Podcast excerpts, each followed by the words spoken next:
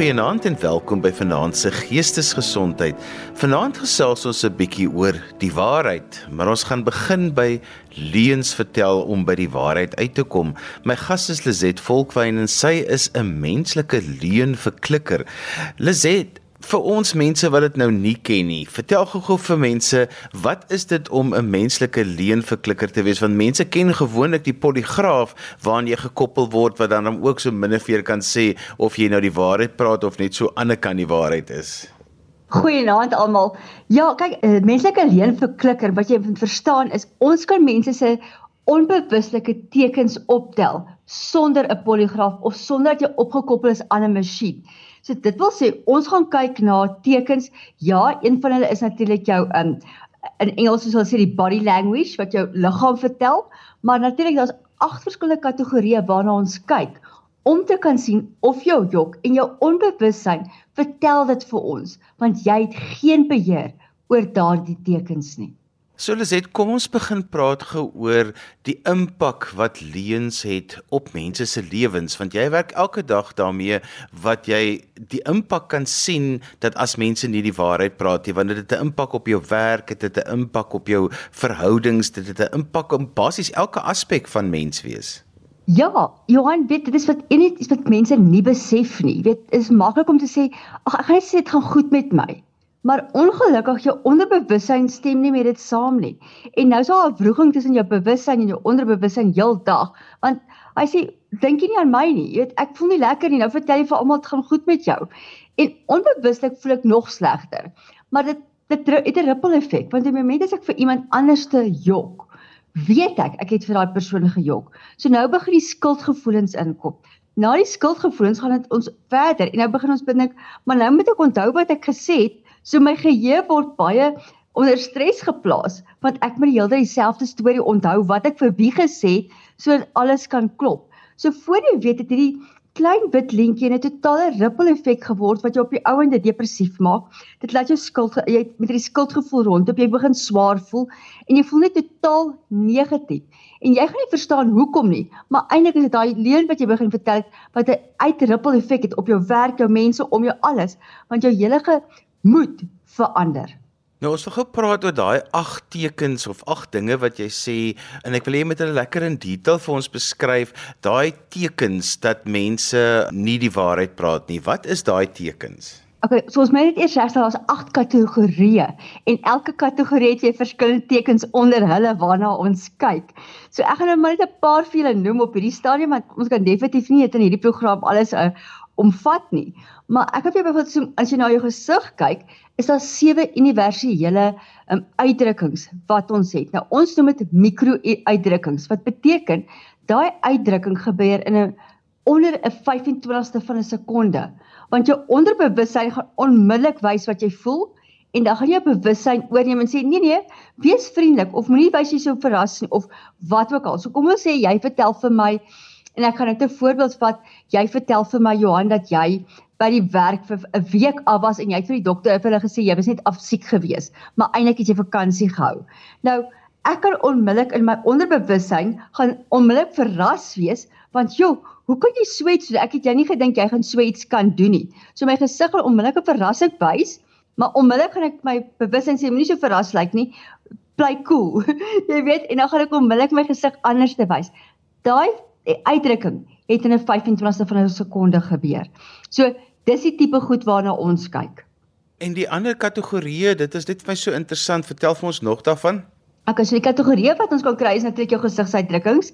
Dan het ons byvoorbeeld jou jou lyfstaal natuurlik wat obvious is. Ons almal weet baie mense het al bietjie lyfstaal ook gaan bestudeer. Dan het ons ook natuurlik ons noem dit die theatrical stage. So dit beteken hierdie gedeelte net voor jou lyf, jy van jou tussen jou skouers en jou heupe, daai gedeelte waar jy praat. Ons kyk na dit byvoorbeeld. Ons kyk na jou voete. Jou voet is jou mees eerlikste gedeelte van jou liggaam. Ons kyk na jou stemtoon. Ons kyk ook na die manier hoe jy praat, want jou taalgebruik verander as jy begin jok. Dan ook natuurlik kyk kyk ons na jou verskillende gestures. So ons kyk byvoorbeeld as 'n weet 'n thumbs up is byvoorbeeld in baie tale en baie kulture is dit dit gaan goed. Maar in baie tale is dit 'n offensive ons offensiewe tekens. So jy moet baie versigtig wees hoe jy dit lees. Ons kyk na die kultuur en die agtergrond. En dan natuurlik ook kyk ons dat om seker te maak dat dit al hierdie goed wat jy vir ons wys in sink is met jou woorde. So dit wil sê ek kan nie vir jou sê ek is nou woedend kwaad en dan eers my hand op die tafel stamp nie. Dit moet simultaneously gebeur. Dit moet in sink wees. So as enigiets van daai kategorieë uit sink is, dan weet ons dit is 'n rooi vlaggie wat ons na moet kyk. Jy het net nou so 'n interessante opmerking gemaak wat jy gesê het mense voete is jou eerlikste deel van jou liggaam. O ja, mense besef dit nie, maar die as jy byvoorbeeld 'n persoon onderhou voer en jy begin agterkom dat en ons almal weet dit in die lyfstaal so sodra my been na jou kant toe wys, is ek meer te genee na jou toe en ek gesels lekker met jou as ek omdraai, dit beteken ek wil wegkom. Maar as jy byvoorbeeld in 'n sirkel staan, saam met 'n groep waar jy netwerk of ensovoorts. Kyk bietjie na waar toe wys elke ou se tone, waarheen punt hulle voete en jy sal agterkom dat die dominante voet altyd na die persoon toe wys met wie hy die meeste rapport het. So dit wil sê kom ons sê jy staan langs my en ek voel baie gekonnekteer op daai stadium of in sink met jou. Dan gaan jy agterkom my linkervoet wys meer na jou toe as na die res van die groep. Of selfs as ek nou iemand oorkant my gaan voel, gaan jy sien my voete is reguit en hy wys na jou toe. So dis 'n definitiewe teken waarna ons kyk as jy 'n onderhoud voer en die ou begin sy voet tap, dan weet jy hy raak ongeduldig. En natuurlik sodra 'n persoon in 'n hoek vasgepen begin voel, gaan jy agterkom hy begin onmiddellik sy voete skuif na die deur toe. Dis ongelooflik interessant. Jy het ook net nou gesê dat mense taal gebruik verander wanneer jy nie die waarheid praat nie. Dis korrek. Ons maak 'n baie groot taalfout onmiddellik sodra ons begin praat. Ons verander die het en die was en die is en in Engels is dit baie meer makliker want dan verander ons sommer al ons tenses. Maar om 'n goeie voorbeeld te noem is president Clinton. Met president Clinton het ehm um, daai toe hulle die ehm um, skandaal met hom ontbloot het van Monica Lewinsky. Het hy toe hulle hom vra, het hy enige verhouding met Monica Lewinsky gehad? In, in 'n normale ou sou gesê ek het nie ek het nie 'n verhouding met Monica nie want dit is die eenvoudige regheid antwoord.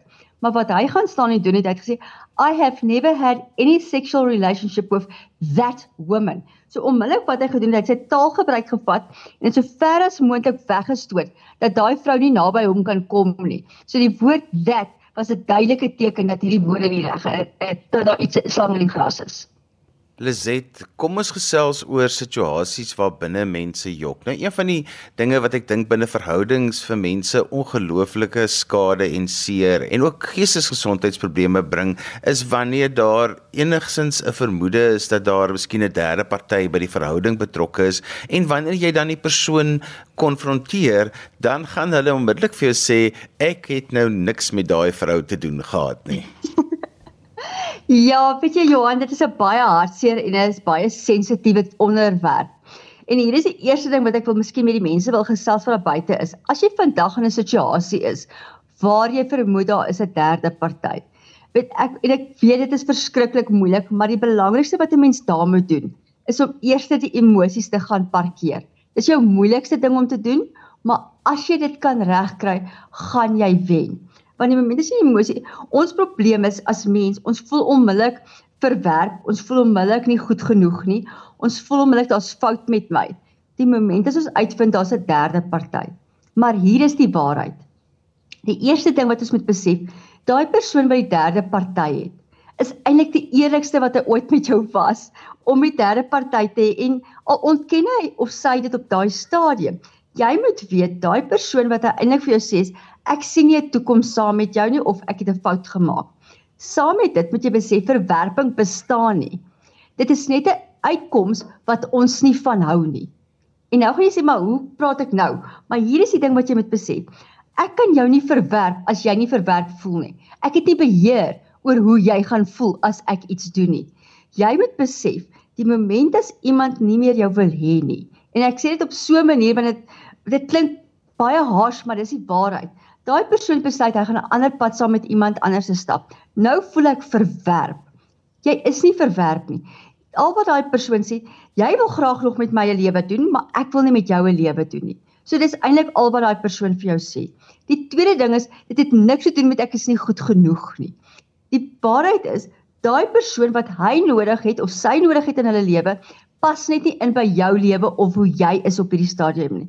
Maar dit maak jou nie minder waardevol of waardig nie. En dan die derde ding wat ek vir jou wil sê is jy moet ophou om heeltemal jouself te kastei. Ek gaan kyk waar bly hy. Ek gaan kyk waar ry hy. Ek gaan kyk wat sê haar SMS'e. Ek gaan kyk of ek op haar e-mails kan kom. En nou voorspel jy hierdie speurder en elke liewe halmpie wat jy kry is 'n kastuiing op jou skouers wat jy oop kloof en rou seere groter maak en meer traumaties maak want jy wil tot die waarheid kom. En hier is die kruks. Jy gaan nie ooit die 100% die waarheid kry van 'n persoon wat 'n ander party in 'n verhouding ingebring het nie. Want daai persoon het sy eie skuldgevoelens, sy eie redes en sy eie gevoel waarheen hy wil beweeg. So gouer jy jou emosies parkeer en berus by die feit dat jy waardig is, dat jy kan jouself omvou en jy kan op jou toekoms begin fokus, gaan hierdie waarheid baie minder seer maak. Meliset, baie keer is dit net 'n vermoede. So, hoe kom ek dan by die waarheid uit wat jy so graag wil hê net om vir jouself dit half te bevestig? Ons het 'n sê ding altyd Johan, wees versigtig wat jy wens om uit te vind en met die waarheid te kry. Want die oomblik as jy alreeds 'n vermoede het, beteken dit jou verhouding het al klaar 'n bietjie troebel water genader waaroor dinge nie reg is nie. So my eerste ding wat ek altyd vir mense sê, as jy begin vermoed, gaan maak daadwerklike afspraak. En ek praat nie net van terwyl manlief of vroulief voor die TV of die kospotte is en sê ek wil met jou praat want ek begin dink jy skeep my af nie. Maar maak 'n ordentlike afspraak waar jy rustig albei kan sit en gesels en lig dan die onderwerp en sê ek vermoed ons is besig om van mekaar af weg te dryf. Ek vermoed dat jy dalk meer te genees met hierdie een persoon of ek raak bekommerd dat hierdie persoon ons lewe binnendring. En dan begin jy kyk na tekens. Want sodra daar 'n onmiddellike ontkenning is van aggressiwiteit, dan moet jy sê hoorie so hoekom word hierdie ou so kwaad of hoekom word sy nou so aggressief of hulle verander die onderwerp dan moet jy begin sê hoorie so ek is nie gemaklik oor hierdie wat nou hoe kan jy maak dat ek meer seker voel in hierdie verhouding? En dit is waaroor dit gaan. Sodra die persoon aggressief raak sodra die persoon begin op verdediging gaan moet jy nie gaan sê sien nou het jy gejok nie ek weet jy jok. Dan gaan jy terug en sê wag raak kalm. Ek voel op die oomblik nie veilig in ons verhouding nie. Jy het nodig om my weer veilig te voel. Sê vir my wat kan ek doen en wat wil jy doen om ons veilig te laat kry Liset, jy sê ook altyd daar spesifieke liggaamstaal wat mense in sulke situasies openbaar as hulle iets wegsteek. Ja, en weet jy Johan, ek wil baie duidelik maak vir almal wat vanaand luister want dit is 'n baie sensitiewe onderwerp hierdie, maar jy moet besef alles moet in konteks gesien word. Die feit dat hy dalk net aggressief raak, is dat dat hy dalk onder baie stres is en nou is hierdie amper net vir hom nog hy het nie nog tyd om met sy huwelik ook te deel nie. Hy hoop net jy kan cope tot hy weer okay is by die werk of vice versa. So ons moet baie versigtig wees sodra ons sê kom ons kyk net na hierdie tekens. Want 2, 3 tekens is nie 'n bevestiging dat iemand jok nie. Dis wat jy moet besef. Maar as ons kyk na lyfstaal, byvoorbeeld, ehm um, julle gaan teenoor mekaar sit by die eetkamertafel en hy vat skielik sy pen en hy druk die pen voor jou. Dit mag miskien simpel lyk like, dat hy net die pen neersit voor hom of hy vat sy koffiebeker en sit dit voor hom neer. Daai is 'n duidelike manier van 'n teken wat sê ek wil skeiding tussen my en jou bring. Ek wil nie hê jy moet sien hoe ek en jy gesels nou en wat ek wegsteek nie. Dis sulke klein goedjies waarna jy kan kyk om daai tekens te kyk. So jy gaan onmiddellik ook agterkom hy gaan miskien met gevoude arms sit. Maar nou moet jy baie versigtig wees, dit kan dalk koud wees. En gevoude arms sê ek wil jou nie verder vertel nie. Ek kan my hand voor my mond sit en ek kan sê ja, ek hoor jou, maar my hand is voor my mond want ek is bang ek sê iets wat ek nie moet sê nie. So daar's verskriklike baie goed waarna ons kyk en dit is baie moeilik om net te sê gaan loer net vir dit want dit is 'n gedeelte van die hele konteks om dit bymekaar te sit. Want Liset in jou soeke na waarheid is die persoon wat miskien die waarheid wegsteek ook baie keer ongemaklik en dan het hulle ook 'n uh, lyfstaal wat die ongemak vir jou wys. Natuurlik, want jy moet weet dit is daai rondskyf in die in die stoel En dit is daardie van my skouer wat ek oplig wat ek nie glo ek dink glo wat ek sê nie. So vir daai shrug of the shoulders. As jy dit net so 'n bietjie oplig dan jy glo dit nie. En jy weet ons kyk na byvoorbeeld daar's verskillende maniere van waar jy ons woorde het vir dit. Wat jy basies begin sê ja, maar ek dink moenie jy nou begin vir my vertel dat ek 'n verhouding het nie. Ek vermoed al lank al jy en Piet het 'n verhouding. Nou, daai is onmiddellik terugreflekteer na iemand anders se toe. So jy die aandag nie op hom gefestig is nie. So jy moet baie seker maak van jou konteks, maar jy moet ook baie seker maak dat die en ek wil so ver gaan en sê nie elke persoon wat ongemaklik is as jy vir hom vra begin vra oor vir 'n derde party verhouding is skuldig nie. Want baie keer is dit 'n sensitiewe punt vir daai persoon. Sy ouers of haar ouers was dalk in derde partye betrokke. So hy uh, dit is absoluut teen sy uh, sy grein, teen sy kernwaardes dat jy durf waag om hom teen daai goed te beskuldig. So ons moet baie mooi in lyn en konteks hierdie goed begin vra as jy oor derde partye begin praat. Lizet, as ek nou die persoon is wat op soek is na die waarheid, ek het 'n vermoede en ek is nou in so 'n gesprek met waar dit miskien 'n moontlike derde party dalk betrokke is, hoe moet my lyf taal? Hoe moet my lyf lyk? Hoe moet ek myself handhaaf om die gesprek oop te hou dat die ander persoon dalk sal toetree tot die waarheid? Dis 'n goeie vraag. Weet jy wat Johan, die belangrikste ek het net nou ook gesê, park the emotions. As jy jou emosie kan eenkant sit en kan sê, weet jy wat, ek wil ontspanne en met feite hierdie hele saak bana nader, gaan jy soveel meer reg kry. Want terwyl ek emosioneel ek wil nou weet, ek gaan ek is kwaad vir jou, ek wil weet. My hart is seer, ek is gebreek, ek weet nie hoe om hierdie te doen nie. Al wat jy maak is daai persoon raak al hoe meer benoud want hy dink as ek nou ja sê gaan sy van haar twintjie afspring, as ek hierdie gaan sê gaan sy hysteries raak, net ou kry sy hartaanval of wat ook al dan onttrek hulle baie meer. Maar as ek op 'n baie mooi neutrale manier sit, so ek gaan probeer en ek weet dit is moeilik. Jy gaan probeer om op 'n ontspanne manier 'n koppie koffie maak en jy gaan sê, weet jy wat, ek wil gesels oor ons verhouding, want vir my is dit belangrik. Ek glo ek en jy het 'n lang pad om te stap. Ons het sakke sout saam opgeëet. Ek wil graag net hê jy moet vandag net my hoor. Want baie keer in ons verhoudings is daar nie so seer 'n derde party nie, maar dit is 'n rede hoekom ek nie gehoor word of veilig voel dat ek begin dink aan derde partye en vermoedes kry nie.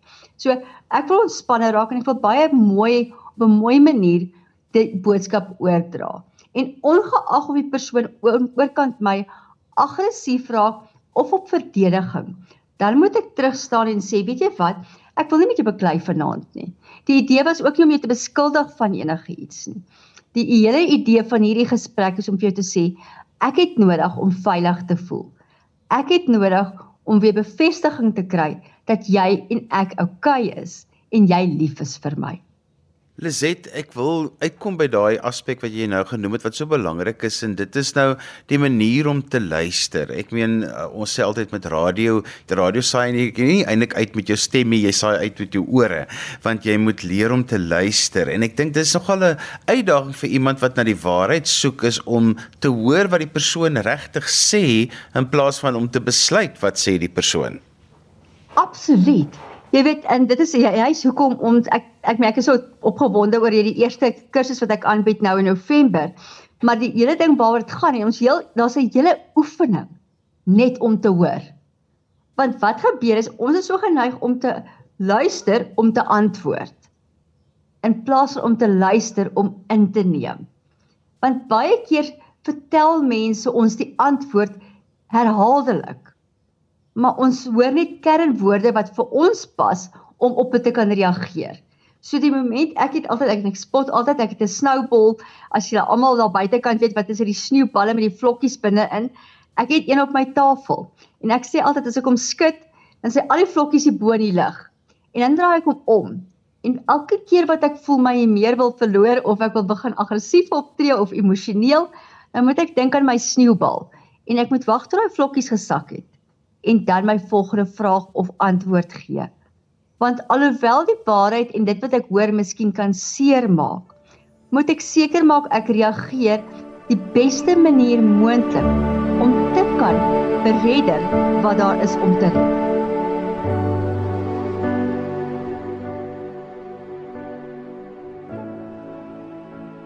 Lizet, kom ons beweeg na die wêreld van werk toe waar ek miskien met 'n kollega moet um, elke dag werk wat um, nou nie gereeld by die werk opdaag nie. Ek verstaan nie waaroor dit gaan nie. Praat sy met die waarheid as sy sê sy wou net weet dit of dat het gebeur en ek moet nou met haar hierdie gesprek hê en dan wil ek ook by sê jy sê baie keer mense wat jok vat in hulle neuse. Nou ek het 'n bokbaartjie, so my neus juk nogal baie. so dit is so vertel vir my hoe hanteer 'n mens so 'n gesprek want jy wil eintlik is jy baie toegeneig tot die kollega want jy sou nie met haar gesprek gehad het as jy sy nie vir jou belangrik was en jy nie haar wou behou nie. Definitief. En dit is die ene wat jy moet besef en die werk is 'n bietjie is natuurlik bietjie meer triekie as ek dit so kan noem want een jy's nie verantwoordelik vir daai persoon nie al is jy redelik na aan daai kollega moet jy besef daai kollega het eintlik 'n baie groter ripple effek as net op jouself want dit beïnvloed gewoonlik die span, dit beïnvloed gewoonlik die produktiwiteit van die werk. Dit beïnvloed ook die manier hoe die beeld van die maatskappy buitentoe gestuur word. En hier is die kruks vir al as jy daai persoon moet bestuur of jy's 'n kollega en nou moet jy begin die las dra. Dan raak dit baie moeilik en dan dan kan die emosies 'n bietjie begin oorkook. En ek gaan weer sê en julle ek sê dit gewoonlik baie keer in my kursusse ook, parkeer die emosies. En ons is emosionele wesens. Die eerste ding wat ons wil doen is sê ek is kwaad vir jou. Jy het hierdie gedoen en ek is seer gemaak. Want dis dis die die natuurlike wat moet gebeur. Maar hier is die ding. As jy kan baie seker maak om neutraal te kan bly. Dit wil sê ek het 'n tegniek wat ek vir mense leer wat ek ek spot altyd en ek sê gaan na jou happy place toe. Gaan kry gaan skep vir jou 'n beeld in jou gedagtes waar jy onmiddellik kan kalm word.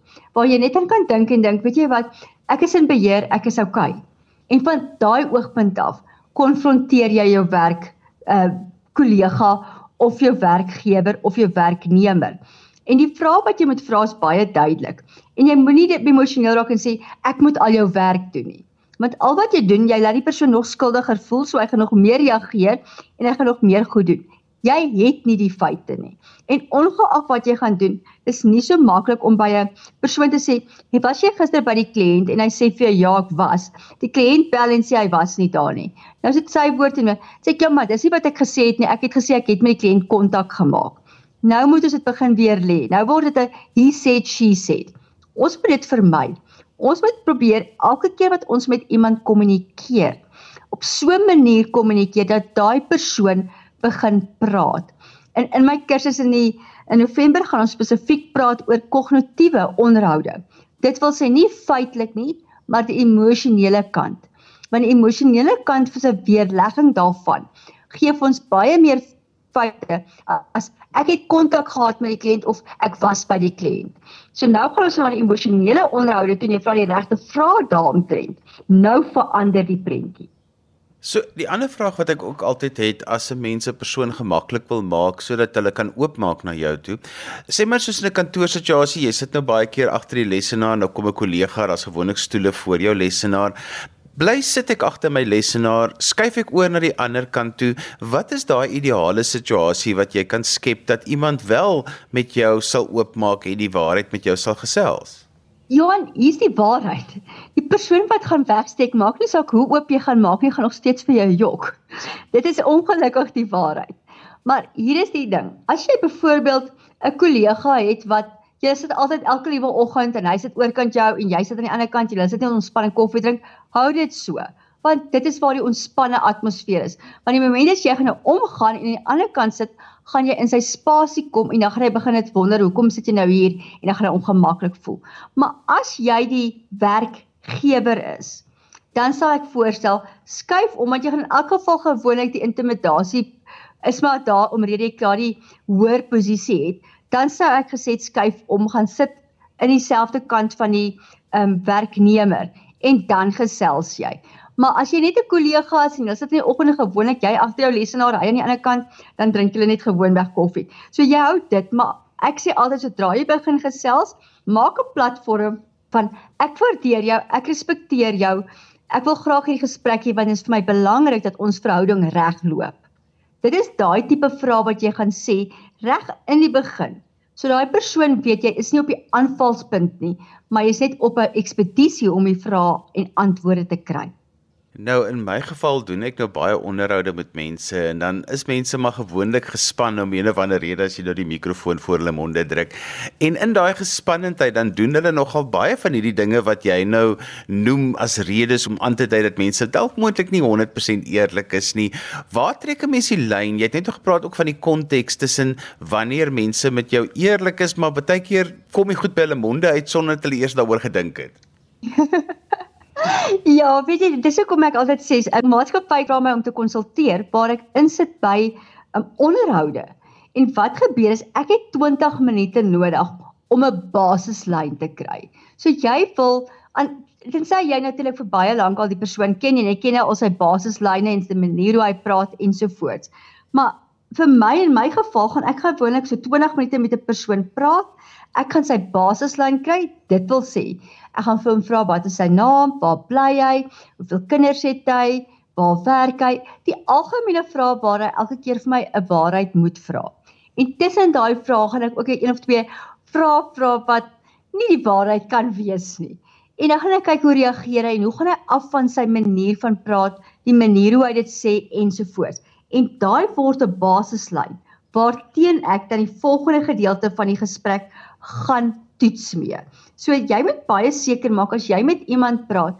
Ek het baie ek het byvoorbeeld jy kry mense wat 'n mannerisme het wat kort kort aan hulle neus vat byvoorbeeld as hulle praat of iemand wat heeltemal met hulle vingers vroetel terwyl hulle praat. Nou daai is nie 'n teken van senieagtigheid nie. Dis 'n basislyn. So jy moet onmiddellik daai basislyn uit die ehm um, konteks uitgooi om te sê ek ek gaan nou nie na dit kyk as 'n leen nie, want dit is deel van dit. En dit is waar jy moet begin. Jy kyk na die basislyn en dan vergelyk jy elke keer wat jy mee praat en spesifieke vrae vra, vergelyk jy dan met die basislyn. Lizet, ek is so bly jy kom nou uit by onderhoude by werke want ek meen ons sit met 'n hoë werkloosheidssyfer. Soveel mense het hulle werke verloor ook tydens Covid en moet nou weer terugkeer en moes al teruggekeer sukkel om werk te kry, gaan van onderhoud tot onderhoud en dan baie keer kry hulle dit net nie omdat die persone wat die onderhoud voer nie noodwendig nie saamstem met hulle antwoorde nie, maar net so half 'n ongemaklikheid het oor is die ou nou besig om vir ons ten volle alles te vertel van sy situasie. Hoe werk dit? Weet jy, dit is 'n baie goeie vraag want hier is die ding wat jy moet verstaan Johan. Ongelukkig die persoon wat die onderhoud voer is meeste van die tye is net nog 'n werknemer vir eerstens. Die tweede ding is die as hulle in die HR gedeelte werk, natuurlik is hulle opgelei om onderhoude te voer, maar hulle het een doel voor oë. Hulle het nie so seer om te kyk of jy jok nie. Hulle het kyk om te kyk of jy gaan inpas by die kultuur van die maatskappy of jy die werk gaan kan doen wat hulle benodig jy het om te doen en natuurlik ook om te sien of jy die emosionele uh, welstand het om by hulle in te pas en ook daai druk te kan hanteer of die werk te kan doen. Dis hulle taak. Nou dis waar ek inkom. Hulle huur my dan gewoonlik vir al vir die hoë profiel onderhoude om dan te kyk na die tekens van afwykings terwyl die vraag gevra word. Want hier is die ding. Ek gaan vir jou vra. Johan, het jy 'n MBA gedoen in Londen? En jy gaan sê ja, ek het. Ons was baie besig daarmee en en en. Dan gaan ek vir onmiddellik agterna halfpad deur die onderhoud van ek stop en ek gaan sê kom ons vat 'n breek en dan gaan ek sê toe hy gesê het hy het te Londen 'n uh, uh, MBA in Londen gedoen. Dis nie waar nie. Hy het teen aanlyn deur 'n Londense maatskappy dit gedoen, maar ons moet dit bevestig. Want as hy nie in Londen was nie, beteken hy het nie prakties gedoen nie. Hy het net teorie gedoen. So dis die tipe goed waarna ek gaan kyk om daai afwykings te sien. Want onthou die HR persoon gaan die sertifikaat kry. Hy gaan die sertifikaat se maatskappy bel en sê, "Het hierdie ou dit gedoen?" en hulle gaan net sê ja of nee. So dis al hoe hulle dit kan erken. Maar van my oogpunt af gaan ek kyk op 'n ander manier. Hoekom is hy nie so gemaklik met daai aanstelling nie of daai woorde of wat ook al. Daar's 'n ander voorbeeld. Byvoorbeeld, ek gaan jou vra, Johan, sê vir my, hoekom wil jy wegbeweeg van hierdie maatskappy af? Hoekom is jy nou in die mark vir 'n ander werk?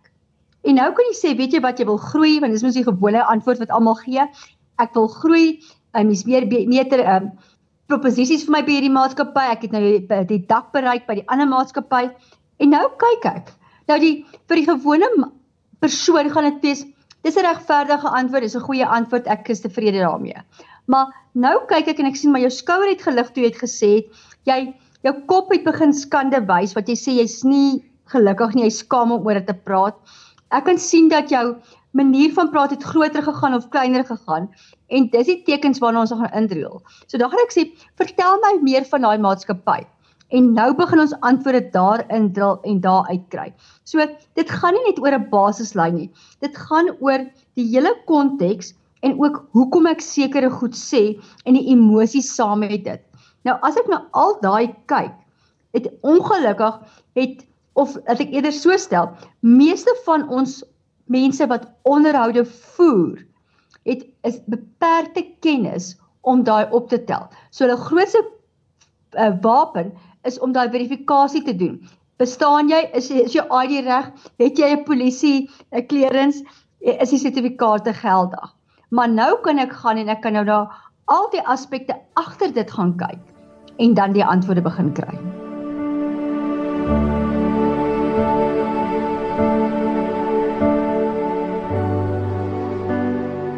Liset, ek wil die gesprek nou vat na narciste toe, want hulle is die mense wat jou mos vir 'n baie lang ruk baie goed laat voel tot jy in hulle greep is en dan is jy in die moeilikheid. Om 'n narcis uit te ken, want hulle is heeltyd besig om met die meeste presisie wat jy kan kry weg te steek wie hulle regtig is. O, natuurlik, omdat dit is hulle werk. Jy weet jou grootste en dit klink baie hartseer en ek, ongelukkig in my praktyk sien ek verskriklik baie mense wat in 'n narcissiese verhouding is en natuurlik om uit die narcissiese verhouding uit te kom. Ek meen net vir jou dit te gee gemiddeld vir iemand om 'n narcissiese verhouding te los en uit daai uh, kloue te kom. Loop hulle gewoonlik 7 keer uit die verhouding, gaan terug, uit die verhouding gaan terug 7 keer voor hulle finaal daai skuif kan maak. Dis hoe sterk daai kloue is. En hier is die probleem wat ons het. Ongelukkig die narcis gaan gewoonlik vir en ek sê dit met baie respek vir almal daar buitekant want enige iemand kan gevang word met dit. Maar die narciste gaan gewoonlik vir ons afvlerk voeltjies. Die daai mense wat so half 'n codependency het om op ander mense. Dit wil sê hulle het groot geword waar jy heeltyd moes werk vir um goedkeuring, waar hulle heeltyd moes werk vir liefde, waar hulle heeltyd moes werk om te sê I'm good enough. Nou kom hulle in die groot menswêreld en dan kom hulle baie vinniger in 'n verhouding waar iemand hulle verskriklik goed laat voel. Want dit is hoe die narcis werk. En die die die die rol wat die narcis daar speel is so groot dat jy kom dit nie agter terwyl jy in in die beginfase is nie. Jy weet, ons raak verlief en onmiddellik is dit o, ek is mal oor Romeis, jy's ook mal oor Romeis en ons is ons het al ons wonderlike verhouding die hele tyd. Nou 'n natuurlike verhouding beweeg dan die twee sirkels wat oor mekaar was, beweeg dan 'n bietjie meer uitmekaar uit en ons 'n klein stukkie in die middel wat ons overlap en ons het mis genoeg respek om elkeen se eie individuele lewe te lei en ons saam het ook 'n lewe. Waar die narcis word daai sirkel, my sirkeltjie bly in sy sirkeltjie en dit word al hoe kleiner en ek moet al hoe meer word soos daai persoon. Nou ongelukkig, teen die tyd wat jy by daai klein spikkeltjie kom, is jy vasgevang in sy web. En nou kan ek niks meer leens raak sien nie. Ek sien niks meer raak nie, want ek is afgebreek na niks. Die grootste probleem wat 'n mens het, is sodra 'n narcis ontmoet en if it's too good to be true, gaan doen bietjie jou navorsing, vind uit van sy vorige verhoudings of haar vorige verhoudings. Weet, ek sê altyd sodra jy in 'n verhouding kom en die persoon sê jy weet daai girl was mal of hierdie man eh, of hierdie vrou sê, weet jy ek kon nie met daai vrou huishou nie. Sy het totaal net elke tweede aand het sy so kwaad geword en sy net afgebreek en gehuil. Gaan vra vra daaroor want jy kan gaan mooi kyk. Al daai verhoudings waar mense voorheen in verhoudings was wat al hulle vorige ehm um, verhoudings afkraak en veral emosioneel sleg sê. Begin kyk na daai rooi tekens, want dan moet jy sê geen mens is net sleg van 'n vorige verhouding nie. Kyk hoekom en dan begin jy daarin drill. En as daai persoon begin sê maar ek moes op die ouende my vriendinne los, my man los, mag my ouers los ensovoorts, dan moet jy weet daar's tekens wat jy moet dieper na kyk. Liset, dan kry jy mos nou ook jou patologiese gewoonte leenaar. Hulle is ook nogal glyjakkalse want hulle is moeilik om uit te ken dat hulle nie vir die waarheid praat nie want hulle luister na alles. Hulle weet eintlik hoe om hulle liggaamstaal en maniere.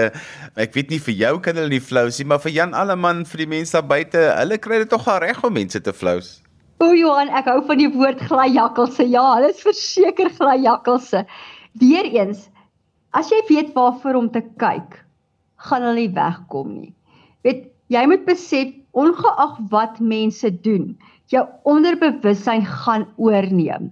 En as jy baie meer aandagtig luister en na die woorde, die taal gebruik, die die tonality van die stem, die manier hoe hulle met jou praat, dan gaan jy begin agterkom om met die klein rooi vlaggies te begin sien.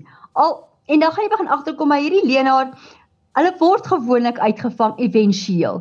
Miskien nie onmiddellik nie, dis hoekom so baie mense ongelukkig uit hulle pensioene en daai goeders gevlei kan word, maar hulle gaan definitief uitgevang word want as jy mooi luister, jy gaan hoor ek sê altyd luister en kyk, dan gaan jy definitief optel dat daar rooi vlaggies deurkom. Want sodra iemand sê ja, weet ek vat altyd hierdie patologiese leenaars en ek noem hulle pers spesifieke persone wat weet hierdie mense wat in die weermag is wat hierdie vrouens uit hulle pensioene uit verdoesel, weet daai tipe goed. Ons wil so graag, ons is so desperaat om sekere goed te wil hoor dat ons nie luister nie. Nou so met mense ek weer my emosies parkeer en ek begin luister met die persoon sodra ek net 'n 'n flint kry van dat hierdie ding is nie die waarheid nie, moet ek onmiddellik my antennes opsit en dan moet ek begin vir tekens kyk en sê, "Hoe praat hierdie ou gewoonlik en hoe praat die ou as hy iets anders te vertel?" En as ek begin vermoed dat hierdie patologiese leenaar werklik waar alweer 'n storie versin, gaan vra hom onmiddellik iets wat alledaags is waar hy die waarheid moet praat. En dan vra jy hom weer 'n ding wat definitief waarheid is en hy gaan dit waarheid sê. En kyk jy hoe verander sy manier van praat. En dan kyk jy weer sy daai storie vertel en dan kan jy klaar vergelyk en sê kyk daar's 'n slang in die gras. Liset baie keer as jy met iemand werk wat regtig meesters in hulle veld is en al daai dinge en dan voel jy maar baie keer maar redelik geïntimideerd met die mense wat nou saam met jou werk. En dan dink jy baie keer, "Jo, ek moet dan ook maar 'n bietjie opstep" en dan oorverkoop jy jouself so bietjie en dan word 'n kribbeltjie sommer maklike brood want jy wil hom ook darm nou nie heeltemal heeltemal afwys hier so. So, hoe maak 'n mens in so 'n geval want dis baie keer voel jy so, "Jo, hierdie mense is so suksesvol, jy wil darm ook net iets kan wys." Weet jy Johan, vir my wat 'n advokaat is vir uniekheid, sê ek altyd vir elke liewe persoon daar buitekant. Don't. Wees presies net wie jy is want as in daai oomblik is dit miskien daai persoon of daai kollega se trompet wat geblaas moet word, as ek dit so kan noem. Hy het al vandag baie goed gedoen in hierdie um, eksamen of hy het 'n fantastiese transaksie ingebring of hy het 'n sekere doelwit bereik jou beurt gaan kom. Want dalk kon hy dit nie bereik het as dit nie jy was wat al die grondwerk agteraf gedoen het nie. En bly wie jy is. Want die oomblik as ek nou gaan begin groot te praat en sê, "O, oh, ek het ook nou net hierdie kursus apart alleen by die huis gedoen en so." Onmiddellik gaan dit reflekteer as 'n afgevaardigde prestasie. Vag jou tyd af. Op die regte tyd sal mense sien wie jy werklik is. Al is dit nie die maatskappy vir wie jy nou werk wat daai erkenning vir jou gaan gee nie. Maar moenie probeer om vir ander mense hoër uit te wys nie. Want die oomblik as ek hierdie imposter sindroom gaan begin nastreef, iewers gaan die krake deurkom en dan gaan jy vir mense om jou regtig deurmekaar maak om sê met wie deel ek eintlik nou? Met Lizet of Lizet die imposter of Lizet die presteerder of Lizet die administratiewe goal? Want ons weet nie hoe sy regtig is nie. So nou gaan mense sê ek kan hom nie lekker plaas nie. Maar as ek die heeltyd is wie ek is en ek gee my beste, dan gaan mense oor 'n tydperk begin agterkom dit is wie ek is en ek kan trots wees op wie wie en wat ek doen en dan werk ek van daar af. Plazet, jy het vir ons vertel van 'n kursus wat jy in November gaan doen. Vertel so klein bietjie meer daarvan en ook sommer as al luisteraars is wat belangstel om dit by te woon, al die details van hoe hulle dit kan doen. Baie dankie Johan. Ja, ek is verskriklik opgewonde. Dit is die eerste keer wat ek hierdie kursus in Suid-Afrika aanbied. Dit is 'n 2-dag werkswinkel. Dit gebeur die 11de en die 12de November. Dis 'n Vrydag en 'n Saterdagoggend. Ag, 'n Saterdag, die vol Saterdag. Dit is die by die Centurion Golf Estate wat ons dit gaan aanbied. Die kursus is al die inligting is ons gaan hanteer. Al die inligting is op my webblad www.lizetvolkwyn.com. Jy gaan sien dit is die kursus wat sê I can see you live. Ehm um, ons begin 8:00 die oggend tot 4:00 elke dag. Ons hanteer al die kognitiewe goeters wat ons maar moet kyk, die emosionele onderhoude. Ek en natuurlik het ek 'n spesiale gasspreker vir die 2 dae wat basies my ander kollega is. Ons is net twee van ons in Suid-Afrika wat PI um ehm, Institute gekwalifiseerde menslike leenverklikkers is. Hy gaan vir ons die emosionele onderhoude doen. Hy is meer in die kriminele wêreld en in daai tipe aspekte en sekuriteit. Ek gaan natuurlik hanteer die tekens, die die um agt kategorieë en na die 2 dae gaan jy definitief verseker weet hoe om daai fluikers uit te vang en seker te maak dat hulle jou nie elke keer net 'n uh, slenter verkoop en jy dit gaan aankoop nie. So jy kan op my webblad gaan kyk, lisetvolkpunt.com. I can see you live. Is al die inligting daar. Bespreek jou kaartjie, ons word baie vinnig as ons besig om baie gou-gou vol te word.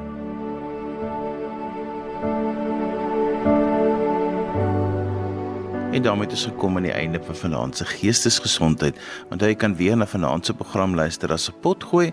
Laai dit af by resgep.co.za. Skryf gerus vir my 'n e e-pos by Johanvanlull@gmail.com en onthou daai Johan het net een N. En daarmee groet ek dan vir vanaand. Kyk mooi na jouself. Tot volgende keer van my Johan van Lill.